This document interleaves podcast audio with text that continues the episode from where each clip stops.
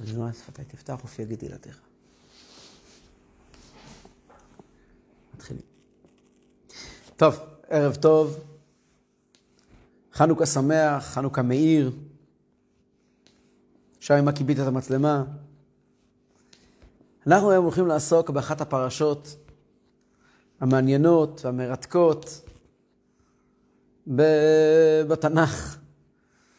אחת הפרשות המרגשות, דרמה משפחתית לא פשוטה, יוסף ואחיו. יש בדיחה יהודית מפורסמת שמספרת על הזקנה שיושבת בעזרת נשים, ומתחילה לבכות, לבכות, לבכות, שקוראים בתורה את פרשת וישב, היא בוכה, בוכה, בוכה. פשוט עמד בוכה, היא אומרת, תסתכלו שהוא הולך לשם וזה, ויזרקו אותו לבור, ואל תשאלו, ועוד רגע הוא הולך, וככה כל כולה דואגת מההתפתחות של הסיפור. שנה אחרי זה רואים אותה יושבת, והכל בסדר, מבסוטה, שואלים אותה, מה קרה סבתא? לשנה שעברה היית כל כך עצובה, והשנה נרגעת. זאת אומרת, שנה שעברה הוא שמע מה שקרה, והוא לא למד לקח, והוא הולך עוד הפעם, אז שידפק, אני, זה לא עסק שלי. לענייננו, באמת כל שנה חוזרים מזה, וכל שנה יש את ה... אני חושב שלכולנו יש איזשהו רטט ככה מיוחד, שקוראים את הפרשיות האלה, שקוראים שוב פעם על uh, המריבה הקורעת הזאת בתוך משפחת uh, יעקב, משפחה שלנו. כולנו מרגישים את עצמנו שם בארץ מגורי אביו, ובעמק דותן, ובבור. שומעים את הבכיות של יוסף, ושומעים את uh, הלבטים שלו, ואת ה... אנחנו שמחים בהצלחה שלו בבית פוטיפר, וכאוהבים את, ה...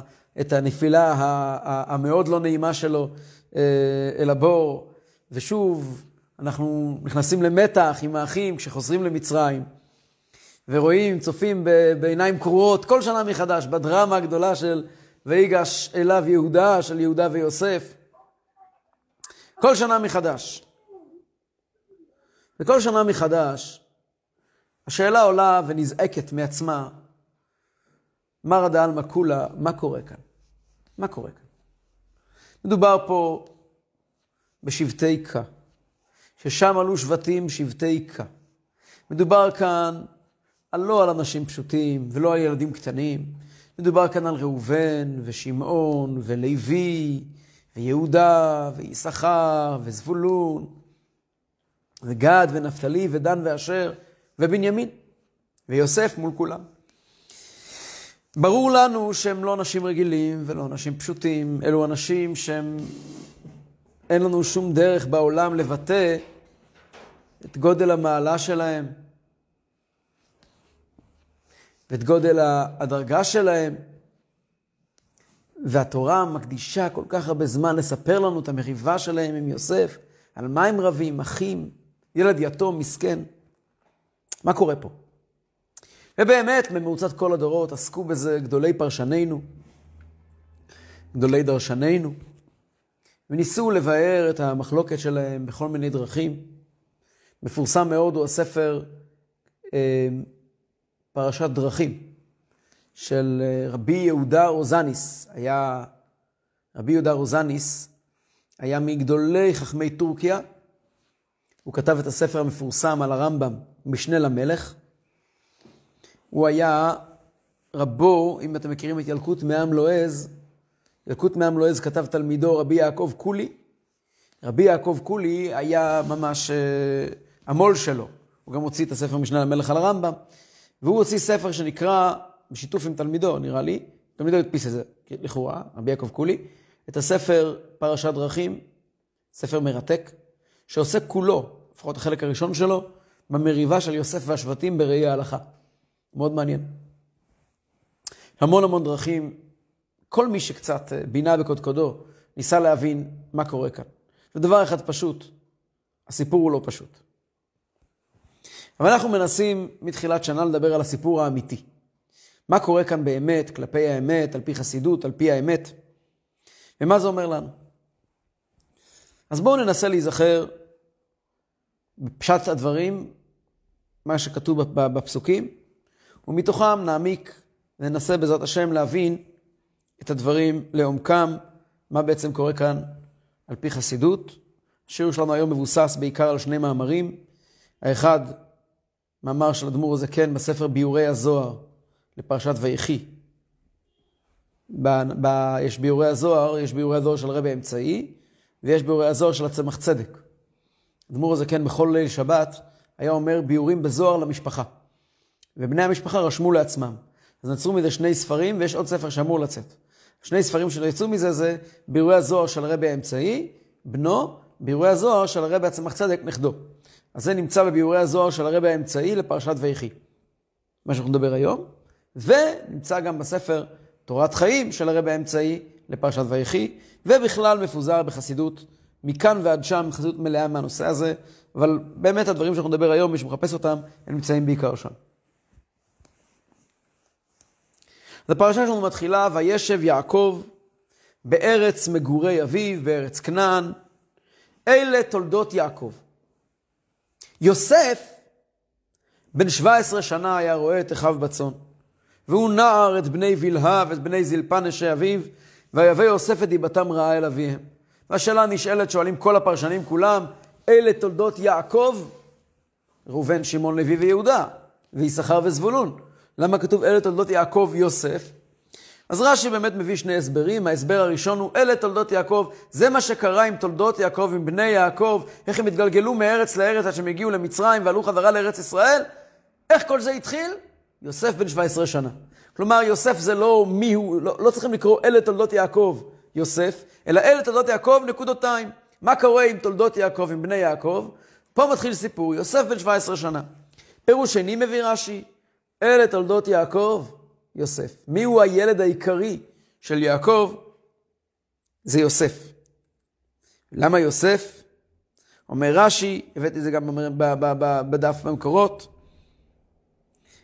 תלה כתוב תולדות יעקב ביוסף, מפני כמה דברים.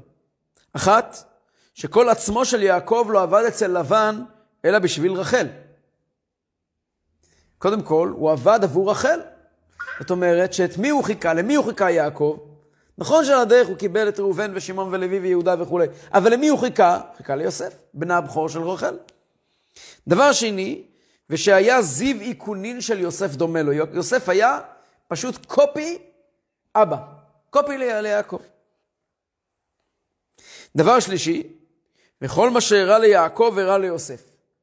זה נסתם וזה נסתם, זה אחיו מבקש, להורג, אחי, אחי מבקש להורגו, וזה אחיו מבקשים להורגו, וכן הרבה בבראשית רבה. אז יש פה איזשהו קשר מיוחד בין יעקב ליוסף, קשר שאנחנו נצטרך לעמוד עליו ולתת עליו את הדעת, מהו הקשר המיוחד בין יעקב ויוסף. וישראל אהב את יוסף מכל בניו. כי בן זקונים הוא לא, מה זה זקונים? זקונים אומר רש"י, בשם מביא אונקלוס, בן זקונים בר חכים, הוא הבן החכם שלו. הוא מי שבעצם מכיר את התורה שאותה מכיר יעקב. ועשה לו כתונת פסים. ויראו אחיו כי אותו אהב אביהם מכל אחיו, וישנאו אותו. ולא יכלו דברו לשלום. טוב, כמובן אנחנו צריכים להבין למה לשנוא מישהו כי מישהו אוהב אותו. בטח אם מדובר על שבטי כה. אתה יודע, ברוך אתה ידעו לי, אנחנו נשאר כלום לדבר.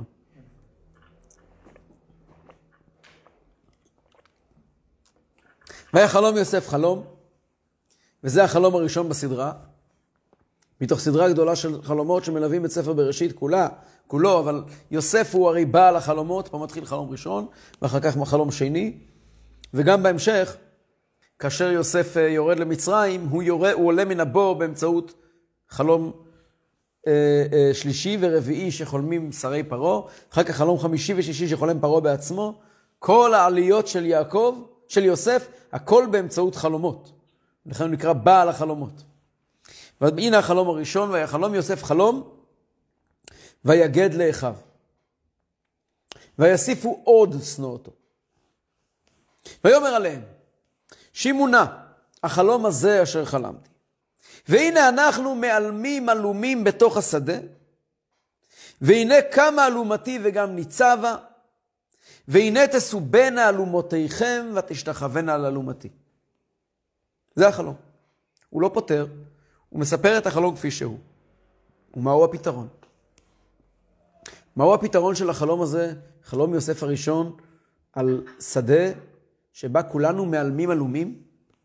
אנחנו מבינים שיש כאן איזשהו אלמנט של מה שאומרים לו מיד אחיו, ואמרו לו אחיו המלוך תמלוך עלינו, אם משול תמשול בנו, ויוסיפו עוד שנוא אותו על חלומותיו ועל דבריו, אבל, אבל, אבל זה פתרון מאוד כולל, אתה רוצה להיות מלך. הוא מספר פה סיפור עם כמה פרטים. יש שדה, ובשדה כולנו עובדים. במה אנחנו עובדים בשדה? לא זורים ולא חורשים ולא קוצרים, אלא מעלמים עלומים. מה זה מעלמים עלומים? עושים אגודות אגודות של, של תבואה. אתם עובדים ואני עובד. שימו לב לכל הפרטים, יש פה הרבה פרטים. אנחנו מעלמים עלומים, אתם ואני, והאלומה שלי עומדת במרכז, והאלומות שלכם מתכופפות לאלומה שלי. מה החלום? מה המשמעות שלו? דבר נוסף שחשוב לשים לב, בחלום הזה זה רק יוסף ואחיו.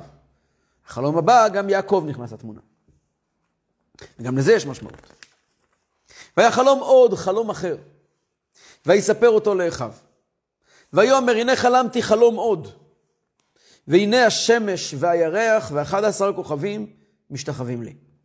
כעת, אני, לי, אני לא מוגדר באמצעות סמל, אלא אני זה אני, ויש פה סמלים, שמש ואחד עשר כוכבים.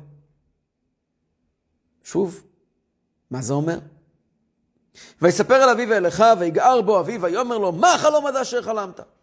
אבוא נבוא אני ועמך ואחריך להשתחוות לך ארצה. כלומר, יעקב פותר את החלום, שאני השמש, יעקב הוא השמש, אמא שלך רחל היא הירח, ואחד עשר כוכבים זה אחד עשר האחים שלך. הוא לא אמר את זה. ומה המשמעות של החלום? ולמה שאנחנו נבוא להשתחוות? מה קורה פה? ויקנו בו אחיו ואביו שמע את הדבר.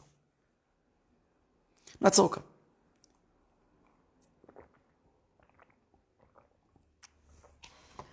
כדי להבין את זה צריכים לחזור חזרה לכל מה שדיברנו כל השנה, מתחילת שנה, מפרשת בראשית. אנחנו דיברנו על זה, שוב אני חוזר ככה בקצרה על כל הפרשות האחרונות. כל ספר בראשית כולו הוא חטיבה אחת, הוא סיפור אחד. מהמילה הראשונה ועד המילה האחרונה, ספר בראשית מקיף נושא אחד. והנושא הוא בריאת העולם והכשרת העולם לקראת מתן תורה, לקראת עם ישראל. והכל מתחיל כאשר הקדוש ברוך הוא בורא את האדם הראשון, שהוא בעצם הדמות האולטימטיבית של האדם, של היהודי, ומפח בו נשמת חיים, ומפח בו שליחות עליונה, להיות חלק אלוקה ממעל ממש כאן בעולם הזה, ולמעשה לתקן את העולם, ולעובדה ולשומרה, לקחת את העולם למקום אחר. אחר כך הוא חוטא, כפי שדיברנו בהרחבה גדולה. והחטא הזה מביא לכך שהאדם הופך להיות הבעיה ולא הפתרון, והאלוקים מתרחק מן העולם, ובוודאי מן התודעה של האדם. וזה הולך ומתרחק והולך ומתעבה והולך ומתכסה במשך שנים, עד שמגיע אברהם. ואברהם מתחיל תהליך של תיקון. ואברהם מתחיל את השלב הראשון בתיקון, יצחק את השלב השני, כפי שדיברנו באריכות. ויעקב את השלב המכריע השלישי, ומכאן ואילך, למעשה התיקון כבר נכנס למסלול. ומה שיעקב בעצם מלמד זה, כמו שדיברנו באריכות גדולה, במפגשים הקודמים, יעקב אומר, כאן זה בית, הקדוש ברוך הוא והעולם הם לא אויבים. הקדוש ברוך הוא והעולם הם למעשה, אם תסתכל טוב טוב בעולם ותסיר ממנו את המסווה, תראה את הקדוש ברוך הוא. ואין קוראים אבות האלה לשלושה, יש לנו שלושה אבות, לא יותר מזה, אברהם, יצחק ויעקב. כל אחד מהאבות יש לו את התפקיד שלו בתוך המסיע. הסיפור הזה, שלושתם ביחד, מייצרים מציאות של הקדוש ברוך הוא מגיע לעולם, הקדוש ברוך הוא מתגלה גם בעולם.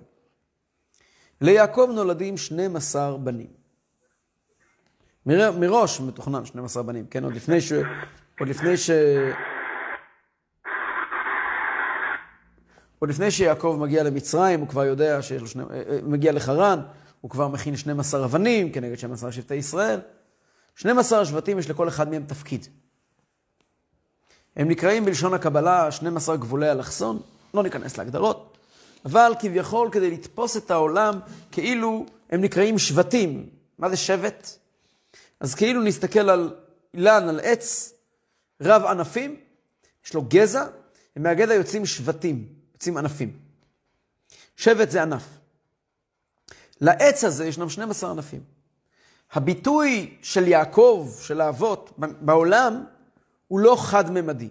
ישנם 12 דרכים, 12 שבילים, שבהם 12 תפקידים, 12 חילות, שבהם תופסים את העולם מכל פינה לכל פינה, בהם בעצם תפקיד נצחי להפוך את העולם להיות מקום לקדוש ברוך הוא. כל אחד מהשבטים, יש לו את התפקיד שלו. חיל הים מקיים מלחמה שלמה באמצעות הים, חיל האוויר מקיים מלחמה שלמה באמצעות האוויר, חיל אה, אה, שריון מקיים מלחמה שלמה באמצעות שריון, חיל היום יש, אה, יש את פיקוד העומק, מקיים שלמה שלמה, כל מודיעין, המודיעין מקיימים מלחמה מנקודה א' עד נקודה ת', כאילו אין עוד חילות, כמובן בסנכרון, בסנכרון מלא איתם, אבל עבודה, יש פה עבודה שלהם, צריכים להתמקד בעבודה שלהם. ואוי ואבוי אם איש מודיעין יחליט שהיום הוא רוצה להיות uh, איש שריון. זה לא עובד ככה. אתה מודיעין ואתה חיל אוויר, וכל אחד התפקיד שלו, כל אחד עומד מהנקודת מבט שלו, וככה בעצם ליעקב יש 12 בנים שכל אחד מהם תופס את המציאות כולה מכיוון אחר. וזה כמובן רק התחלה, 12 שבטים, כי זה הופך להיות מ-12, זה מתפרט ל-70 נפש, כמו שנדבר בעזרת השם בשבועות הבאים, ומ-70 נפש זה מתפרט ל-60 ריבו. משם לכל אחד מאיתנו יש משימה משלו מהמארג הכולל של לעשות לו יתברך דירה בתחתונים, להפוך את העולם למקום שהקדוש ברוך הוא והעולם הופכים להיות אחד. לכל אחד מאיתנו יש את המטרה שלו והשליחות שלו והתפקיד שלו כאן בשטח. אבל האבות של כל השיטות כולם הם 12 דרכים, כמו שאומרים בתפילת טל, זכור 12 שבטים שהעברת למו בגזרות מים. כל אחד מהם עבר בגזרה אחרת במים, קיבל גזרה. כן, זה לא רק גזרה מלשון גזרו, כן, בין גזרי ים סוף, אלא גם כל אחד קיבל גזרה, חלקה בעולם, שהיא התפקיד שלו. ובאופן כללי, מיעקב יוצאים 12, 12, אבל זה לא 6 ועוד 6, אלא זה מחולק בחלוקה של רחל ולאה. זה בערך יוצא ארבע ו... ו... ו... ו... ו... ו... ארבע ושבע. יש את אה, בני רחל, ויש את בני השפחות השייכים לרחל, ויש את בני לאה ובני השפחות השייכים ללאה. ורחל ולאה הם כבר שתי דרכים עקרוניות של איך להביא את הקדוש ברוך הוא לעולם, וכל אחת מהם יוצאים הדרכים המתאימות לה. מלאה, שזה דרך אחת, יוצאים, כידוע, בעיקר שישה בנים ובת, ומרחל יוצאים יוסף ובנימין, כשיוסף עצמו נחלק לשניים, אפרים ומנשה, שכל אחד מהם זה דרך בפני עצמה בחיבור של הקדוש ברוך הוא והעולם. באופן מאוד כללי, ההבדל בין רחל ולאה מוסבר בקבלה, שלאה מבטאת את עולם המחשבה. העולם העליון, הנשגב, הפחות גלוי, מה שנקרא בלשון הקבלה עלמא דאיטקסיה, העולם המכוסה. רחל היא יפת תואר ויפת מראה, כמו יוסף, שהוא הגבר היחידי בתנ"ך שעליו נאמר יפה תואר ויפה מראה. והיא מסמלת את העולם הגלוי, עלמא דאיטגליה.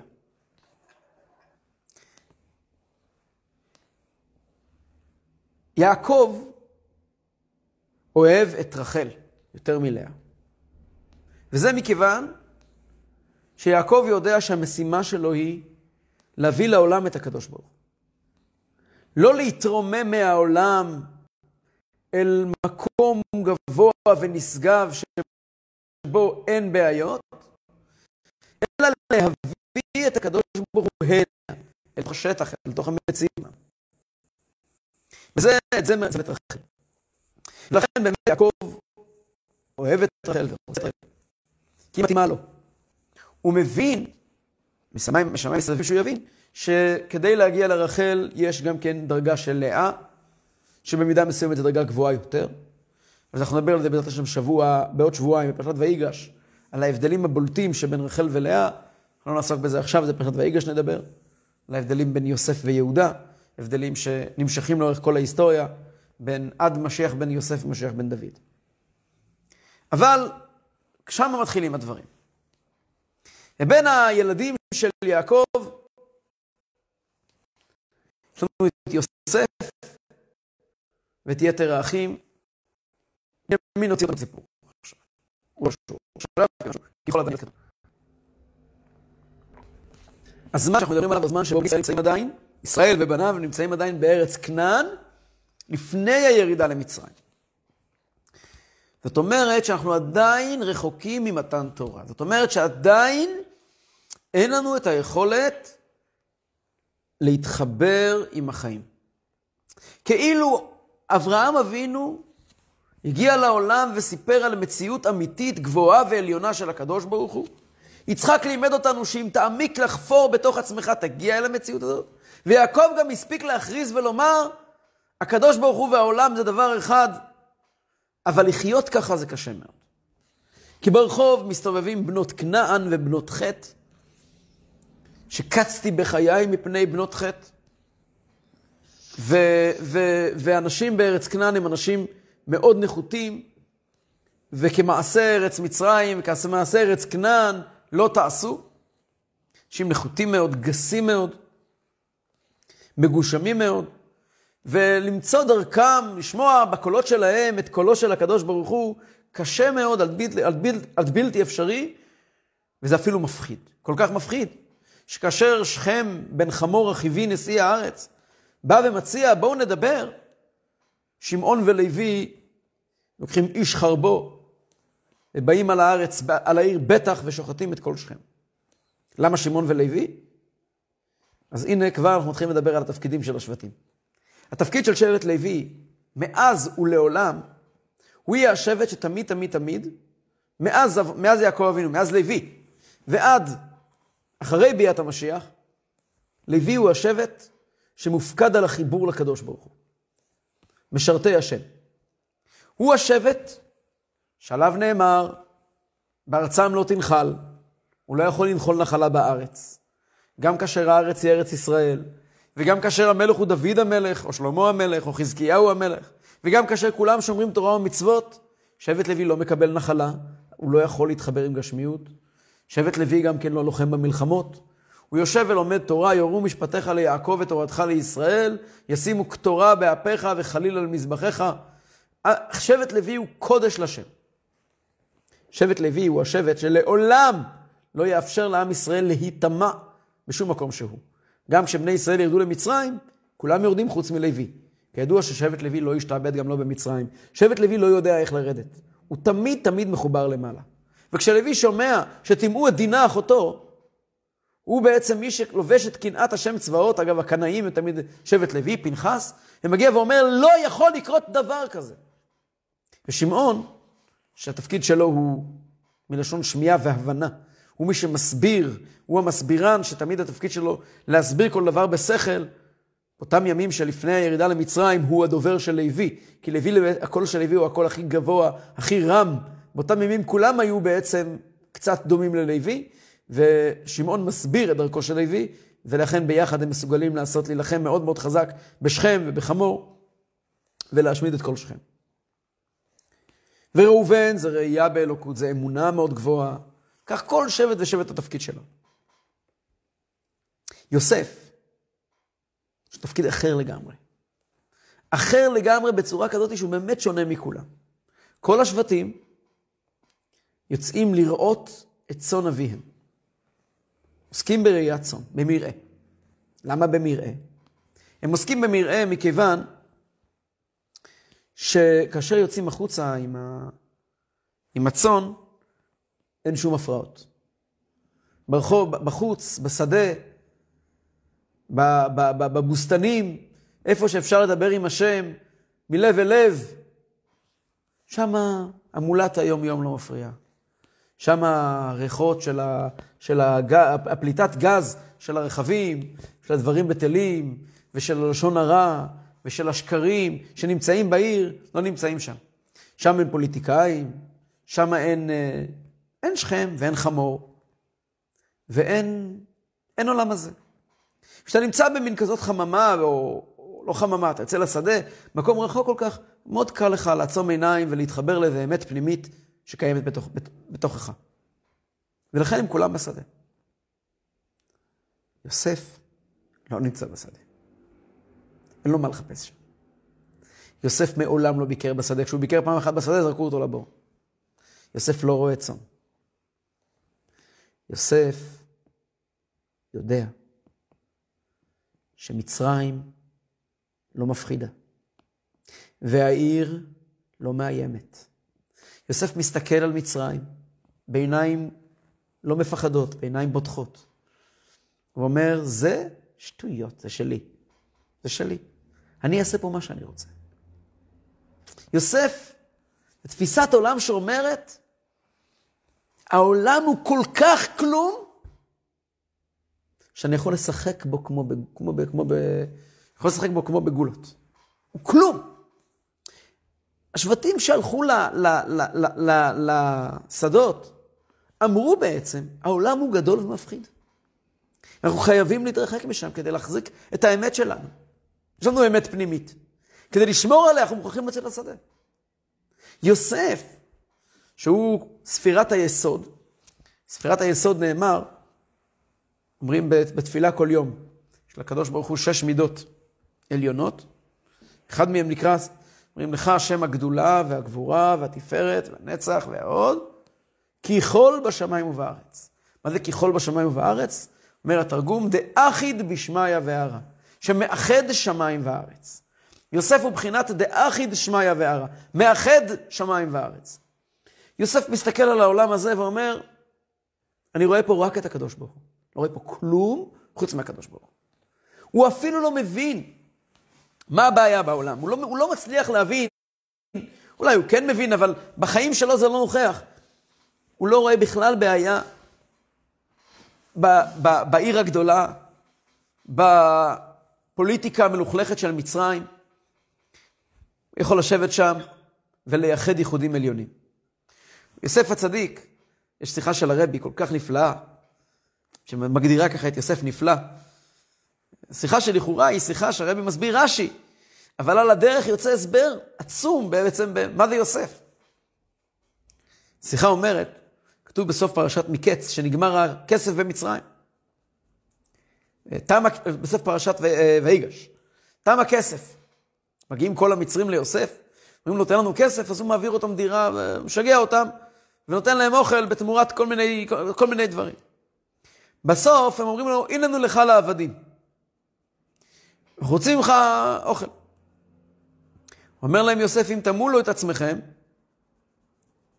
אתם תקבלו אוכל. כך כתוב. וכל מצרים נימולו. למה הוא מעל את כל מצרים?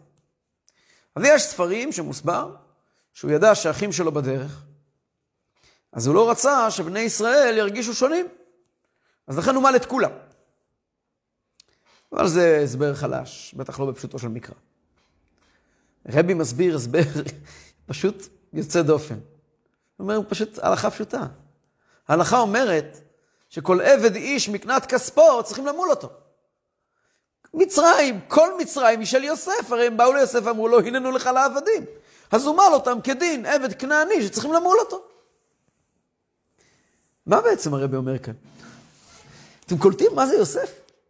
יוסף יושב בארמון של מלך מצרים, ומבלעדיך לא ירים איש את ידו ואת רגלו בכל ארץ מצרים. הוא מסתכל על המצרים ואומר להם, חבר'ה, עכשיו לכו תמולו את עצמכם. למה? אתם עבדים שלי. הוא כל כך לא נתפס בהבלי מצרים. מצרים בשבילו זה משחק שחמט. אם תרצו, יוסף הוא כמו אדם הראשון לפני החטא, שאמור לשחק עם העולם כמו במגרש, ולא להיות חלק מהסיפור. יוסף לא נהיה חלק מהסיפור. יוסף מעולם לא התלכלך בטומאת מצרים, הוא עמד בניסיון גדול, נכון, כמעט וכן, כמו אדם הראשון.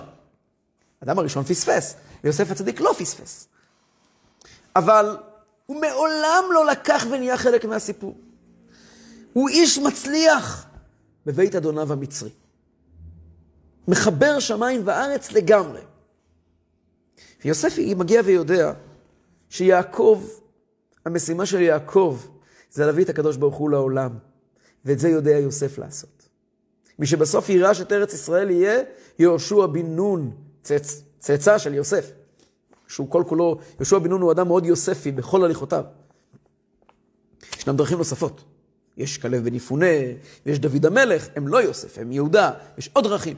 אבל יוסף יודע, אני מסוגל להיות בשני רגליים על הקרקע, להיות עסוק וטרוד בענייני העולם, וביחד עם זה, לצחוק מהכל, לבוז לעולם. למדנו בתניא, שבוע שעבר, מי שהיה איתנו בשיעורי תניא, מה ההגדרה של צדיק?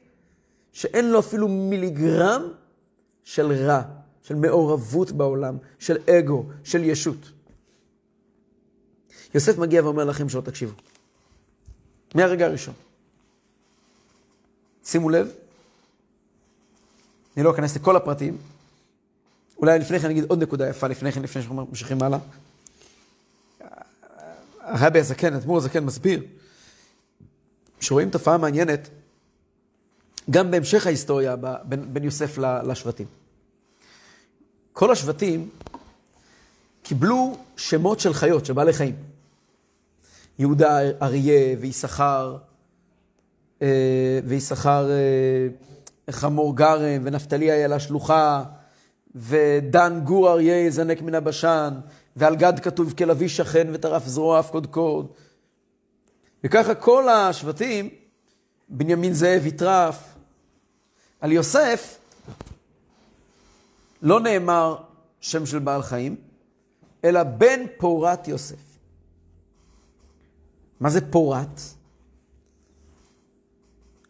אז עוד רגע נדבר על פורת. לפני שנדבר על פורת, מה זה אומר בעצם בעלי חיים? אז אדמו"ר הזה כן מסביר שהשורש של כל בעלי החיים זה במרכבה העליונה. כידוע שהעולם כולו מנוהל על ידי צירי גלגל עליונים, רוחניים כמובן. ארבעה צירי גלגל שהם מחולקים לפני נשר, פני אריה, פני שור ופני אדם. וזה כל החלקים שיש למציאות. וכל אחד מהשבטים מבטא צד אחר של המציאות. הבעלי חיים, נדבר על אריה למשל. אריה הוא גיבור אדיר. הגבורה שלו מגיעה מאריה העליון. אבל הוא גיבור, גיבור, גיבור שאין כמוהו. גיבור כארי. כשמסתכלים על אריה, שיושב בחום, בסוואנה של, של אפריקה, לא רואים גבורה. מתי רואים גבורה? את הגבורה של האריה רואים כשהוא מסתער לטרף. כשהוא לא מסתער לטרף, לא רואים גבורה. כלביא, איך כתוב? אה, שכב רבץ כארי, וכלביא מי יקימנו. זה בעלי, בחיות. חיות, הגבורה שלהם רואים כשהם צריכים להתמודד עם איזשהו אתגר. בהמות, אצלם זה הפוך. אצל הבהמות זה הפוך. הבהמות, כולם, המאפיין שלהם שהם מסוגלים לסחוב, לסבול, כן? השור לעול, חמור למסע. וגם אצלם רואים את, ה, את המאפיין שלהם לא כשהם עומדים סתם כך בעורבה או ברפת, אלא כאשר שמים עליהם את העול. השבטים כולם, שהם בעצם, כל אחד מהם הוא צד אחר של המציאות, מגלים את העוצמות שבהם רק כאשר הם עומדים בפני איזשהו אתגר. יש מישהו צריך להיות אריה, אז הוא, הוא צריך להתגבר על משהו, פתאום אתה רואה, וואו, מה יש לי פה מול העיניים? יש מישהו שהוא, שהוא חמור או, או שור, כן, יששכר חמור גרם. אתה רואה בן אדם יושב לומד עשר דקות, אתה עדיין לא קולט מה יש פה. אתה רואה, אתה לומד את ה-10 שעות, 12 שעות, 15 שעות, פתאום אומר, וואו, בוא'נה, תראה מה קורה פה. האתגר הוא בעצם מה שמגלה אותם. וזה מראה שלמציאות סביבם יש משמעות כלפיהם. כלומר, האריה, אתה לא יכול להגיד, שמע, הוא לא אכפת לו מה קורה מסביב, מה פירוש לא אכפת לו? הוא הרי תראה איך הוא מתעצבן כשהוא מתעצבן, תראה איך הוא מתגבר כשהוא מתגבר. ההצלחות שלו זה בעקבות מה שקורה בסביבה. הכישלונות שלו זה בעקבות מה שקורה בסביבה. חמור גרם, איך אתה יכול לומר לי שהחמור או השור לא מתרשם ממה שקורה סביבו? הרי כל הגבורה של החמור באה לידי ביטוי בזה שאתה שם לו על הכתפיים יותר משקל. זה בטח שהוא מתרשם. מה זה בן פורת יוסף? כתוב בחסידות שהמילה פורת היא אותיות פותר וגם תופר. פורט, פותר, תופר. מה זה פותר ותופר? אז בואו נדבר קצת על חלומות. כל הדרך של יוסף היא דרך חלומות. חלום זה מקום שבו הערכים שונים, שכל אחד מהם הוא אמיתי או מציאותי כשלעצמו.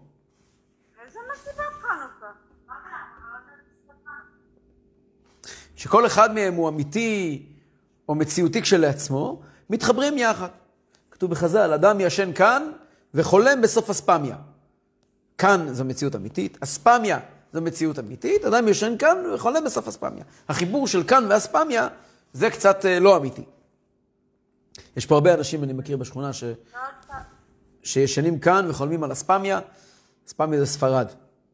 ספרד יש דברים יפים. אני ממש מבקש, משפחת. טוב. אמ, השבטים לא יכולים לחלום. לחלום פירושו לחבר דברים שלא יכולים להיות קשורים אחד עם השני. יוסף, שהוא ספירת היסוד, הוא המחבר, הוא יושב על שורשי המציאות הכי עליונים שקיימים, ששם הכל אפשרי. יוסף מסוגל לחבר שמיים וארץ. אז את כאן ואספמיה הוא לא יכול לחבר. אצל יוסף, כל המציאות כולה היא כמו ש... אני חושב שדוגמה יפה לזה, אם יש מישהו שהוא עורך סרטים. אז מול המחשב, יש לו כל הסרט פרוס לפניו ברצועות. קטע שצולם פה וקטע שצולם שם, הוא מעביר, זה עכשיו ילך אחורה וזה ילך קדימה, הכל, הכל נמצא אצלו בידיים, הוא משחק עם זה איך שהוא רוצה. יוסף, הוא מסתכל על כל המציאות בעיניים כל כך ציניות, כל כך לא מעורבות, כל כך אובייקטיביות, שהוא מעז לחלום. הוא יכול הכל לחבר, הוא יכול הכל לערבב, הוא גם יכול הכל לפתור, הוא יכול הכל לסדר. שום דבר לא, שום דבר לא מהווה לו בעיה. הוא יכול הכל לסדר. ש... שום דבר לא אויב שלו, שום דבר לא בעיה בשבילו. והוא גם יכול הכל לתפור. דברים קרעים שונים, הוא תופר אותם יחד. וזה כוחות שלא קיימים אצל כל השבטים. זה נקרא אלה תולדות יעקב יוסף. יוסף הוא הביטוי הכי עמוק של יעקב בחיבור שמיים וארץ. ואז נעמד יעקב, יוסף ונותן נאום לאומה, הוא אומר לשבטים, תקשיבו אחים, לכולנו יש משימה.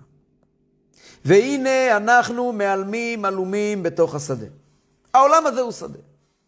ובשדה הזה יש לכל אחד מאיתנו משימה, מהי המשימה? להיעלם עלומים, לאגוד אגודות, לחבר, לתפור, לקשור. וכמו שדיברנו במפגש קודם, בסוד עבודת הבירורים והעלאת הניצוצות, התפקיד של כל אחד מאיתנו הוא לתת פשר לחיים שלו, לחבר את בית הכנסת עם היום-יום, לחבר את העבודה עם הערכים. מעלמים עלומים, ללכת לרחוב ולקחת עוד חתיכה ועוד חתיכה, ולקשור את כולם לקשר אחד בין קיימא למשמעות אחת.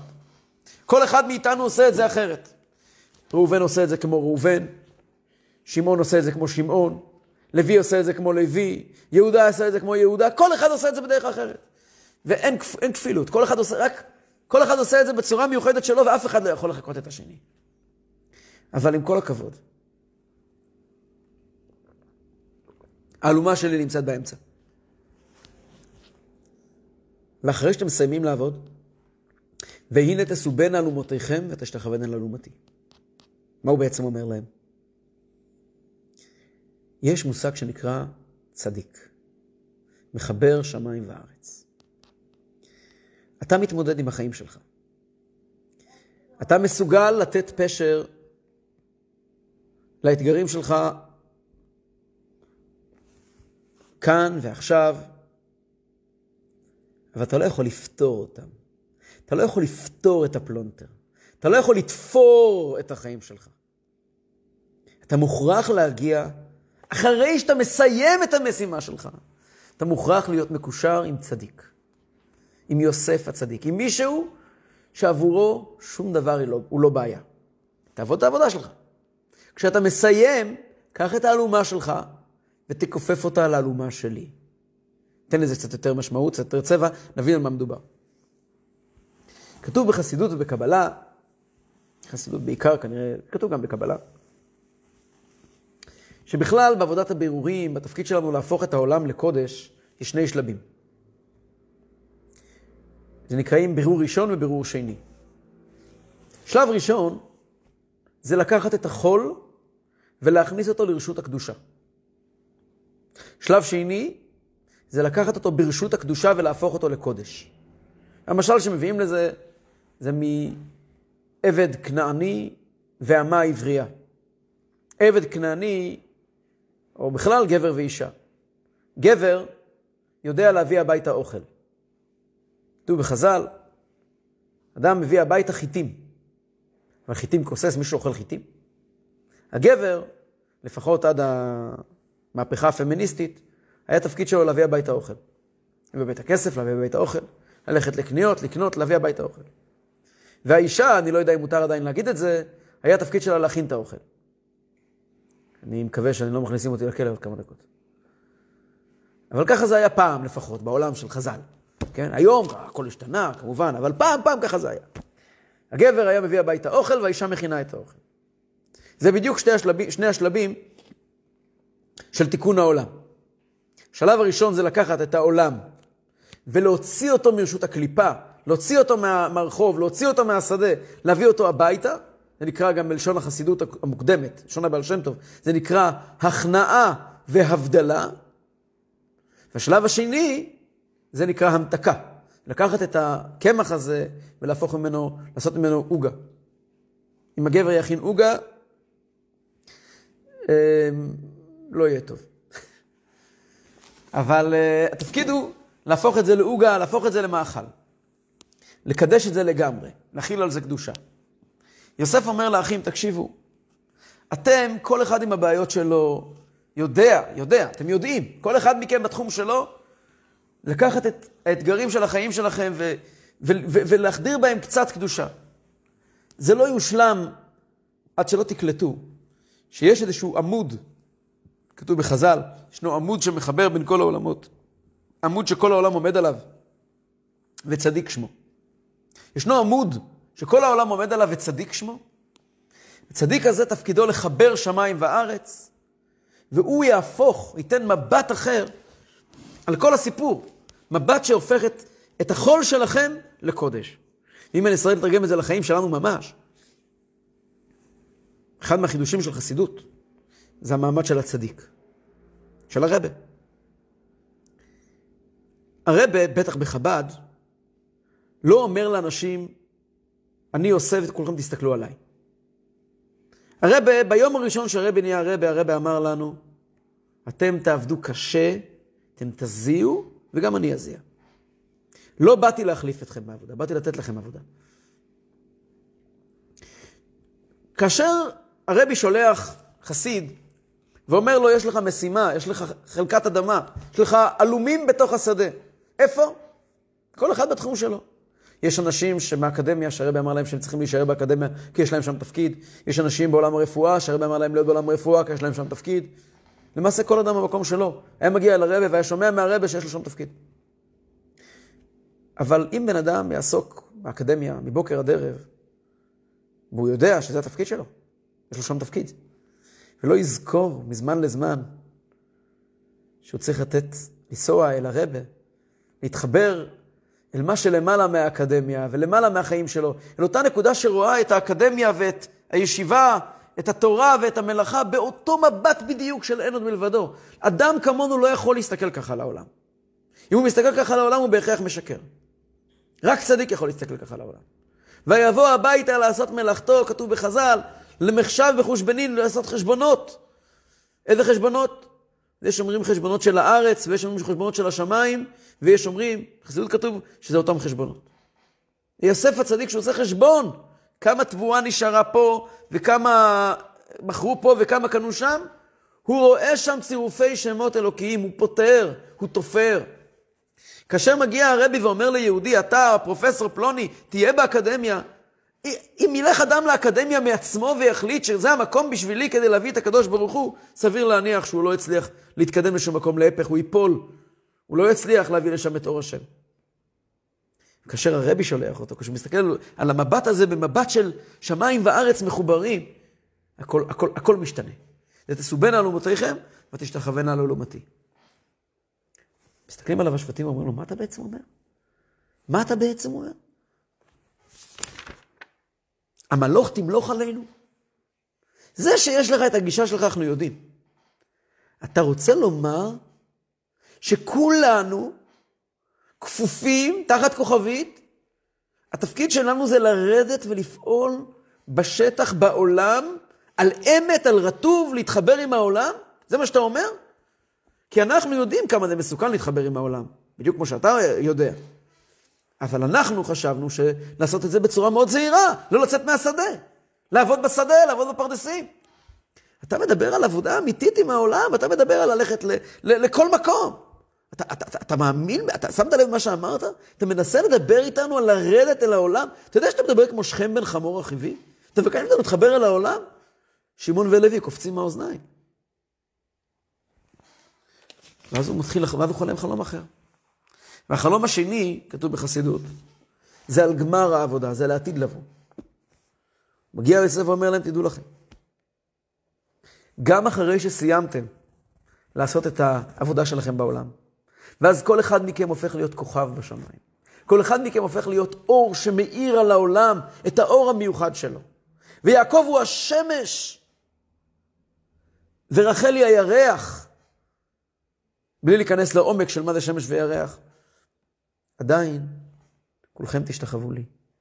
כולכם תצטרכו להתחבר לרעיון הזה ולהכניס טוב טוב לאוזניים את הרעיון הזה ששמיים וארץ אינם אויבים. תצטרכו לקבל את הרעיון הזה. את הרעיון הזה, איתו הולכים כדי לקבל את התורה. התורה באה לחבר שמיים וארץ. התורה באה לומר לנו איך לעבוד בעולם. התורה לא אומרת לנו להתנזר מן העולם. התורה לא בנתה לנו מנזרי שתקנים. התורה אומרת לנו איך להתחבר לעולם. אם אנחנו הולכים לשם, אז צריכים לדעת שגם הכוכבים, וגם השמש וגם הירח ישתחוו לי. זה כבר יותר מדי, זה כבר הרבה יותר מדי.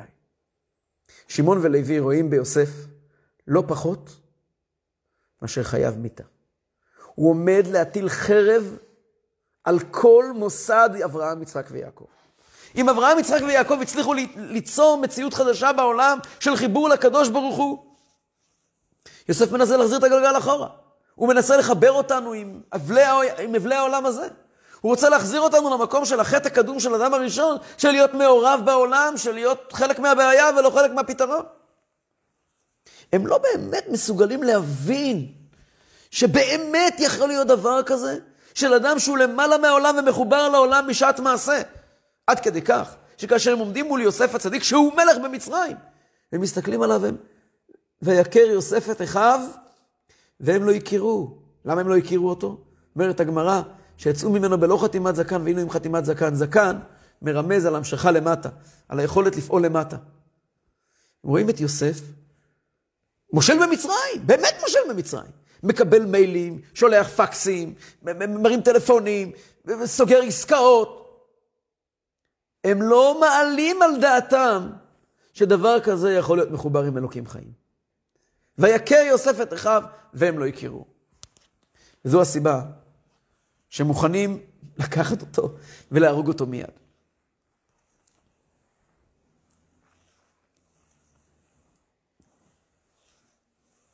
גם בדורות הבאים, יש את הגישה של יוסף, ויש גם את הגישה של, הגישה של יהודה, שהיא גישה אחרת לגמרי, גישה הפוכה. ובאותם שלבים, מה זה הגישה של יהודה, אנחנו נדבר בעזרת השם במפגשים הבאים. אבל אה, גם בדורות הבאים, הדרך של יוסף היא לא דרך לרבים, היא תמיד דרך לצדיק. ו... אבל הידיעה של ואביו שמר את הדבר, שצריכים, אחרי שאנחנו מסיימים את המשימה שלנו, נכון, כולנו כבר אה, אה, יצאנו מארץ כנען וירדנו למצרים וחזרנו לארץ ישראל, ולארץ ישראל חזרנו על ידי יוסף, על ידי יהושע. אבל עדיין כל אחד, כל אחד מאיתנו בנחלה הפרטית שלו.